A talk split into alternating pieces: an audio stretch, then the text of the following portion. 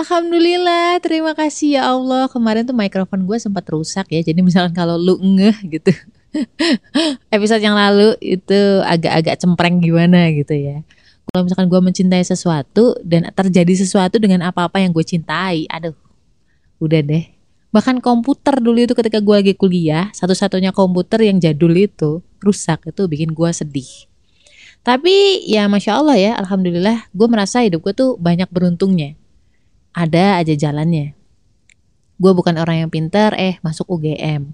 Dulu kerja di BUMN. Gue juga bukan orang yang sangar, eh tahu-tahu masuk ke multinational company gitu ya. Kalau ngomong-ngomong soal beruntung gitu ya, bukannya gue pengen bikin lo iri gitu sih. Ya bikin lo iri dikit nggak apa-apa kali ya. Beda, karena ada teman gue yang pengen banget ini, pengen banget itu gitu kan punya cita-cita yang sangat besar, nggak masalah sampai di situ tuh nggak masalah. Tapi kalau cita-cita itu bikin lo tersiksa, bikin lo tuh nggak bisa bersyukur atas apa yang lo punyai saat ini, nah itu jadi masalah. Bukan buat Allah loh, buat diri lo sendiri. Pertanyaannya adalah apa sih definisi beruntung? Gimana sih caranya biar kita bisa beruntung? Assalamualaikum. Gimana kabar lo? Alhamdulillah. Apakah lo lagi ngerasa kesepian? Atau sendirian? Kenalin gue Ria Marliana, teman healing lo di podcast Self Healing. Di sini kita bakal ngobrol bagaimana sih belajar berdamai dengan luka, tentu aja atas izin Allah Subhanahu wa taala. Semoga Allah sembuhkan lukamu, ringankan bebanmu dan kuatkan hatimu. point of view gue ketika ngomongin tentang beruntung, beruntung adalah lu nggak punya ekspektasi sama sekali atau lo punya ekspektasi di angka 3 atau level 3 Tahu-tahu Allah kasih takdir lo di angka 10. Ya, benar-benar di luar persangkaan lo. Kalau misalkan Allah bilang orang yang beruntung adalah orang-orang yang ada di Atolak ayat 2. Eh, ayat 23. Ayat 2 sampai dengan ayat 3. Di situ dibilang bahwa orang yang bertakwa kepada Allah adalah orang yang akan dibukakan jalan keluarnya oleh Allah dan jalan keluarnya itu nggak disangka-sangka. Nah sesuatu yang nggak disangka-sangka ini yang disebut dengan beruntung. Makanya orang dulu bilang bahwa orang beruntung itu ngalahin orang-orang pinter. Karena orang pinter endingnya atau resultnya kita tahu ke mana arahnya, kita bisa memprediksinya. Tapi kalau orang-orang yang beruntung, kita nggak memprediksi dia bakal menang di situ gitu loh. Dia bakal masuk ke situ gitu. Sebenarnya di zaman dulu, di zaman gua SMA atau bahkan emak bapak gua, um, mbah-mbah gua juga, orang beruntung tuh banyak. Hah, kok bisa? Iya, beneran. Mereka tuh nggak nggak muluk-muluk gitu ininya permintaannya doanya. Bahkan mereka banyak mengalami keajaiban-keajaiban di dalam hidup mereka. Dulu ketika gue pengen banget masuk UGM walaupun gue ngaca jelas gak mungkin kalau gue ngaca gitu ya. Seorang Ria yang ranking satu aja di SMA tuh jarang. Nggak pernah malahan. Ranking satu itu cuma di SD iya selalu ranking satu. Bukan kenapa kenapa karena saingannya nggak ada gitu. Mereka nggak senang belajar itu aja dulu di zaman gua anak-anaknya tuh simple, sederhana. Lu punya keinginan, berdoalah gitu. Berdoalah, minta sama Allah. Sesimpel itu ajaran dari guru-guru kami, ayah ibu kami ya kan, mbah-mbah kami. Jadi dulu aku cuma percaya aja, oke okay, gue pengen banget nih keluar dari desa gitu. Gimana caranya? Udah satu-satunya cara adalah Allah kan. Kalau ngaca ya tadi nggak ada, nggak mungkin. Jadi gue genjotin dari sholat duha, sholat tahajud, gue bangun jam 3 atau jam 1 pagi gitu kan belajar. Duha 12 rakaat, puasa ya. Dulu kayaknya masih puasa Senin Kemis kan. Belajar juga sekenanya, bukan yang serius-serius banget, tapi gue tetap belajar. Entah kenapa tuh kayak mudah aja, mudah mudah memahami materi. Dan lucunya yang gue pelajarin itu cuma matematika, yang lainnya gue ogah. Padahal ujian masuk UGM itu kan waktu itu nggak cuma matematika, dan masya Allah sesaat sebelum pengumuman gue nggak tahu kenapa feeling gue gue diterima gitu. Dan suatu malam gue dikasih mimpi. Tertulis nama gue di pengumuman yang berhasil masuk. Gue mikir aduh jangan-jangan ini kecampur nih sama keinginan gue saking pengennya akhirnya masuk ke alam mimpi.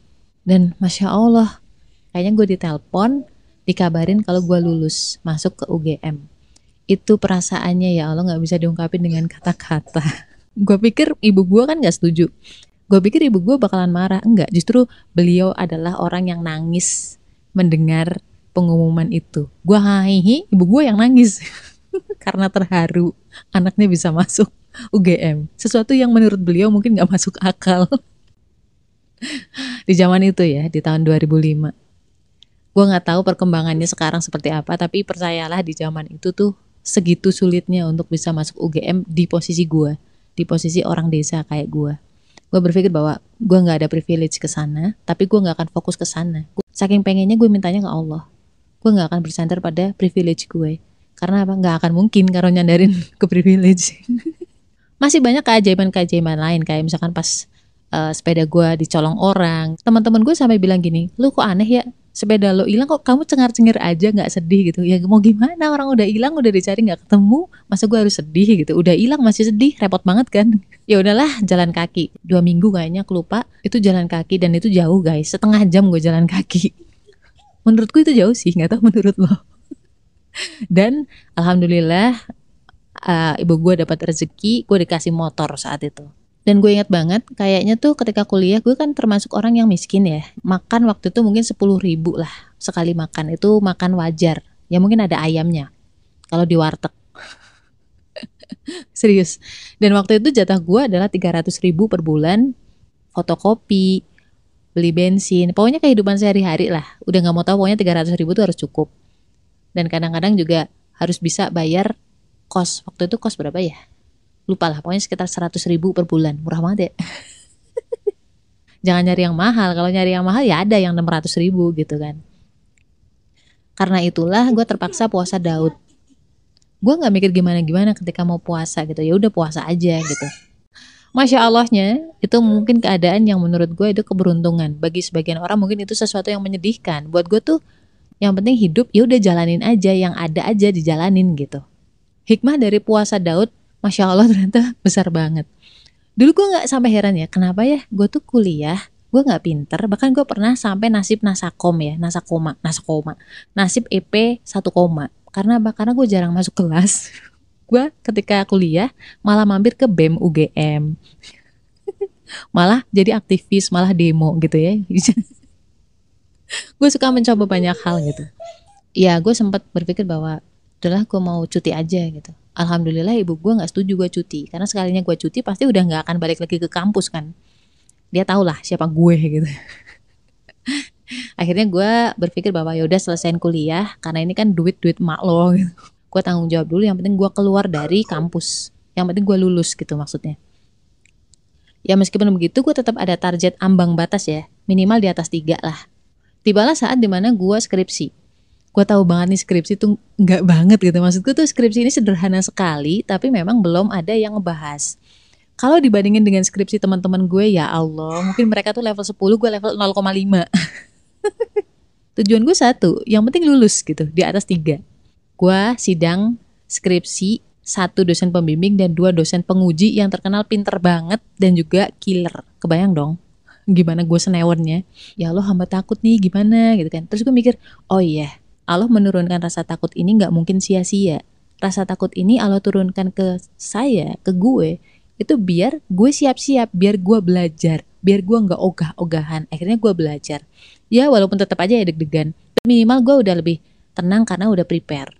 Sempat ada salah satu dosen yang ekspresinya tuh agak heran. Hah? Ini doang gitu. Kayak gitu seolah-olah ekspresinya. Udahlah, pasrah deh gue gitu. Dan ketika semua selesai, temen gue nyelotek, eh, nyelotek, nyeletuk, ya gampang banget sih. Revisi lo cuma gitu doang gitu.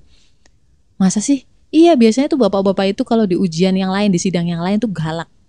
Kok sama lo kayak tunduk gitu aja ya gitu. Masa sih gue sempat mikir gitu. Kenapa ya? Jangan-jangan karena mereka kasihan sama gue gitu. Udah deh kalau mereka kasihan berarti nilai gue nggak bakalan sampai B. Jangan kan B gitu. C aja udah alhamdulillah gitu kan.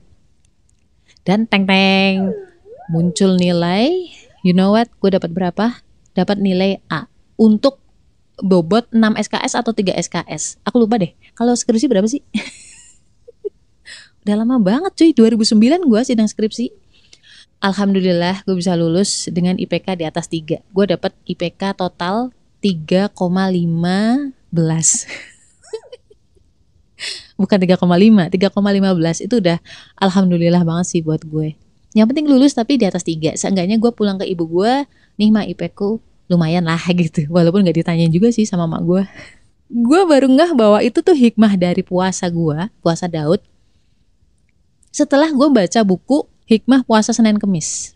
Dulu hidup gue tuh setenang itu, segampang itu, semudah itu, sebanyak keajaiban-keajaiban itu. Bahkan ketika gue nggak punya duit sama sekali, tiba-tiba ada orang ngasih makanan, ngirimin gue kotak, kotak dulu nggak rantang gitu ya.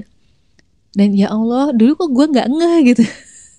ada satu kisah yang gue suka banget ya, di mana dia itu asal Wonogiri. Dia kerja ke Jakarta di tahun 96 kalau nggak salah. Dia 26 tahun usianya waktu itu. Gaji 1,5 juta. 1,5 juta kalau sekarang mungkin kisaran 15 juta cuy. Karena udah lumayan banget ya. Tapi dia juga harus ngirimin uang kan. Jadi memang dia tetap harus berhemat. Suatu ketika nih, dia mau pulang. Dia mau pulang kantor dipanggil sama bosnya. Dikasih tiga kali gaji bonus katanya karena penjualan meningkat dan itu juga karena bantuan dari si orang ini. Seneng banget kan? Pas dia turun dari lift mau pulang, dicegat lah sama OB. Memang udah kenal, udah kenal lama gitu. Si OB ini bilang, Mas boleh nggak minta bantuan? Besok ibu saya operasi. Kakak saya sih janji mau kirim uang tapi sampai sekarang belum juga dikirim. Kalau lo jadi dia gimana? Eman-eman kan? Dan nominalnya itu sama persis kayak yang ada di amplop tiga kali gaji itu. Walaupun berat, tetap dikasih tuh uangnya, dipinjemin ke OB itu. Walaupun dia khawatir kalau si OB ini nggak bisa balikin. Setelah dikasih, dia melanjutkan perjalanan pulang naik bus. Dia hanya punya saldo 6.000 rupiah. Saking capeknya di bus dia ketiduran.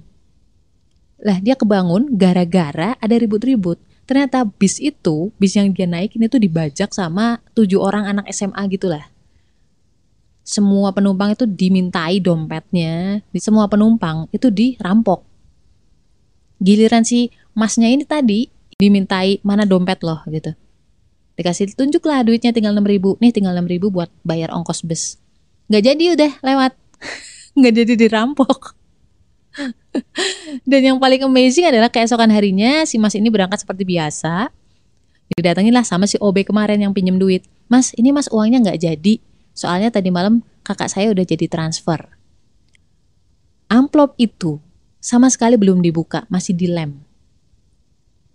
Kebayang nggak? Coba kalau misalkan dia nggak minjemin itu ke si OB, pasti duitnya udah dirampok sama anak-anak SMA tadi.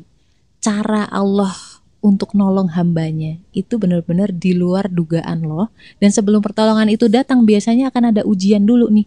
Ujian di mana lo bakal worry ngikutin hati lo atau kekhawatiran kamu.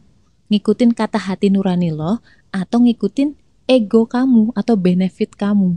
Makanya gue bilang namanya keberuntungan itu sesuatu yang ajaib sesuatu yang di luar prasangka lo yang gak akan pernah lo bisa duga. Dan Allah bilang di surat An-Nur ayat 51 hanya ucapan orang-orang mukmin yang apabila mereka diajak kepada Allah dan Rasul-Nya agar Rasul memutuskan perkara di antara mereka, mereka berkata, kami mendengar dan kami taat. Dan mereka itulah orang-orang yang beruntung. Di situ udah dibocorin kalau lo pengen beruntung, sami nawa atau na. Jangan ngeyel, jangan berbantah-bantah. Jangan kamu benturkan antara aturan Allah dan juga logika kamu. Sesimpel itu. Gue mikir, oh ya ya, ternyata beda orang zaman dulu tuh gak kebanyakan bantah, gak kebanyakan mikir, samikna wa atokna. Lu disuruh tahajud, tahajud. Lu disuruh puasa, puasa. Gak kebanyakan berargumen. Jadi jangan bergantungnya kepada nalar kamu. Sedangkan orang-orang yang beruntung, orang-orang yang dibukakan jalan keluar dari Allah adalah yang jalan keluar gak disangka-sangka, yang di luar nalar. Kalau lo bersandarnya ke Allah. Orang suka menyiksa diri, mereka bersandarnya ke logika pribadi. Mereka menuhankan kepintarannya sendiri. Itu aja sih. Ya, yeah, seru kan? Obrolan kita gitu. Buat gue tuh kisah gue bukan sesuatu yang wow apabila dibandingkan dengan keajaiban-keajaiban teman-teman yang lain. Bukan gue pengen pamer biar gue terkenal, bukan. Biar lo tuh makin kenal sama Allah. Ketika lo bersandar sama Allah, pasti Allah bukakan jalan keluar dari jalannya Allah. Dan jalannya Allah di luar prasangka manusia. So ketika berat, sabar dulu. Tetaplah on the track. La haula wala quwata illa billah. Stay love and assalamualaikum warahmatullahi wabarakatuh. Episode selanjutnya. Gimana ya mbak kalau kita didolimi sama mertua dan ipar-ipar? Saya kuat-kuatin, kadang down juga. Semua kata-kata dan perilakunya nyakitin terus. Please buat konten ini